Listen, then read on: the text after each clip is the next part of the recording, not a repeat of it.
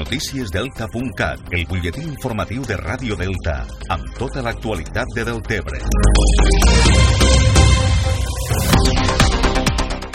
Deltebre celebrarà avui la Diada de Sant Jordi amb diferents activitats durant la jornada a les tres escoles del municipi i a l'institut. A la tarda, a la Biblioteca Delta de l'Ebre s'explicarà la llegenda de Sant Jordi animada amb titelles i hi haurà també un taller infantil amb diferents activitats relacionades amb la Diada. A més, la biblioteca comptarà en motiu de Sant Jordi amb diferents novetats literàries per als usuaris. Esta tarda es farà també l'entrega del concurs literari i artístic de Sant Jordi, adreçat als escolars del municipi. Enguany, la temàtica del concurs ha estat un Sant Jordi actual i l'entrega de premis es farà a l'Escola Riumar.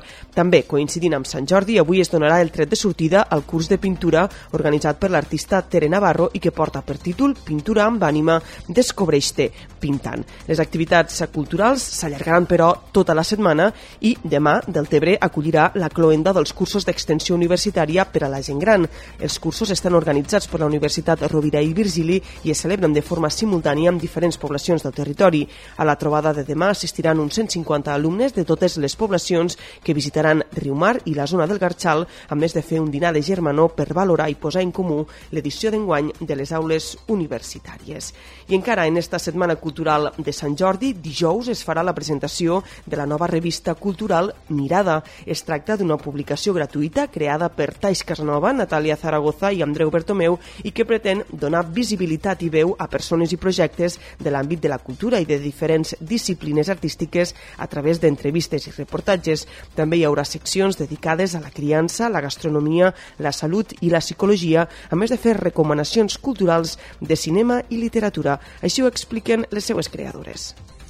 Bueno, Mirada és un, un projecte molt personal que vam començar a gestar ara fa un any i mig i, bueno, i a mi personalment m'agraden molt les revistes, m'agrada molt llegir i li vaig presentar una revista que jo era fan a Tais, a ella li va encantar i al veure-la vam dir podríem fer alguna així, però per al poble.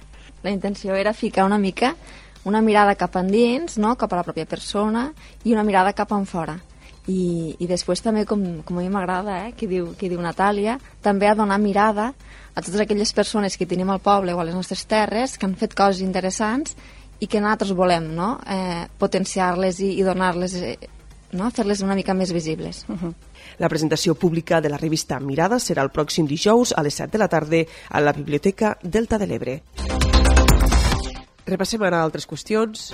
L'Ajuntament de Deltebre ha estrenat, coincidint amb la Setmana Santa, les obres de millora que s'han fet a la urbanització Riumar, concretament a la plaça Europa, on s'ha condicionat una nova àrea infantil i un nou espai de lleure amb pèrgoles i un nou enjardinat. A més, al passeig marítim s'ha instal·lat un nou reclam turístic. Es tracta d'unes lletres gegants amb la paraula Riumar i que permetrà als visitants fer-se fotografies i endur-se un bon record de Deltebre.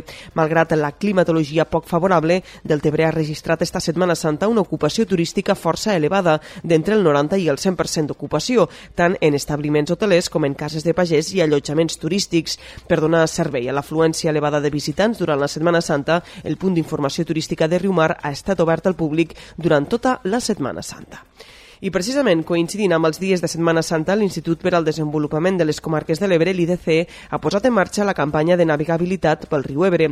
La temporada va iniciar-se dijous amb més controls per evitar nous focus d'infecció de caragol massana i per controlar la plaga de musclos Ebre, amb una zona d'inspecció addicional a Mora la Nova que se suma a les de Tortosa i Benifallet. Es tracta de comprovar que les embarcacions que entren al riu Ebre estan desinfectades correctament i que no porten ni larves ni exemplars que puguen contaminar contaminar zones netes de l'Ebre. La temporada ha començat amb un cabal baix, el que obligarà a controlar la proliferació d'algues. Alfons Montserrat és el director de l'IDC.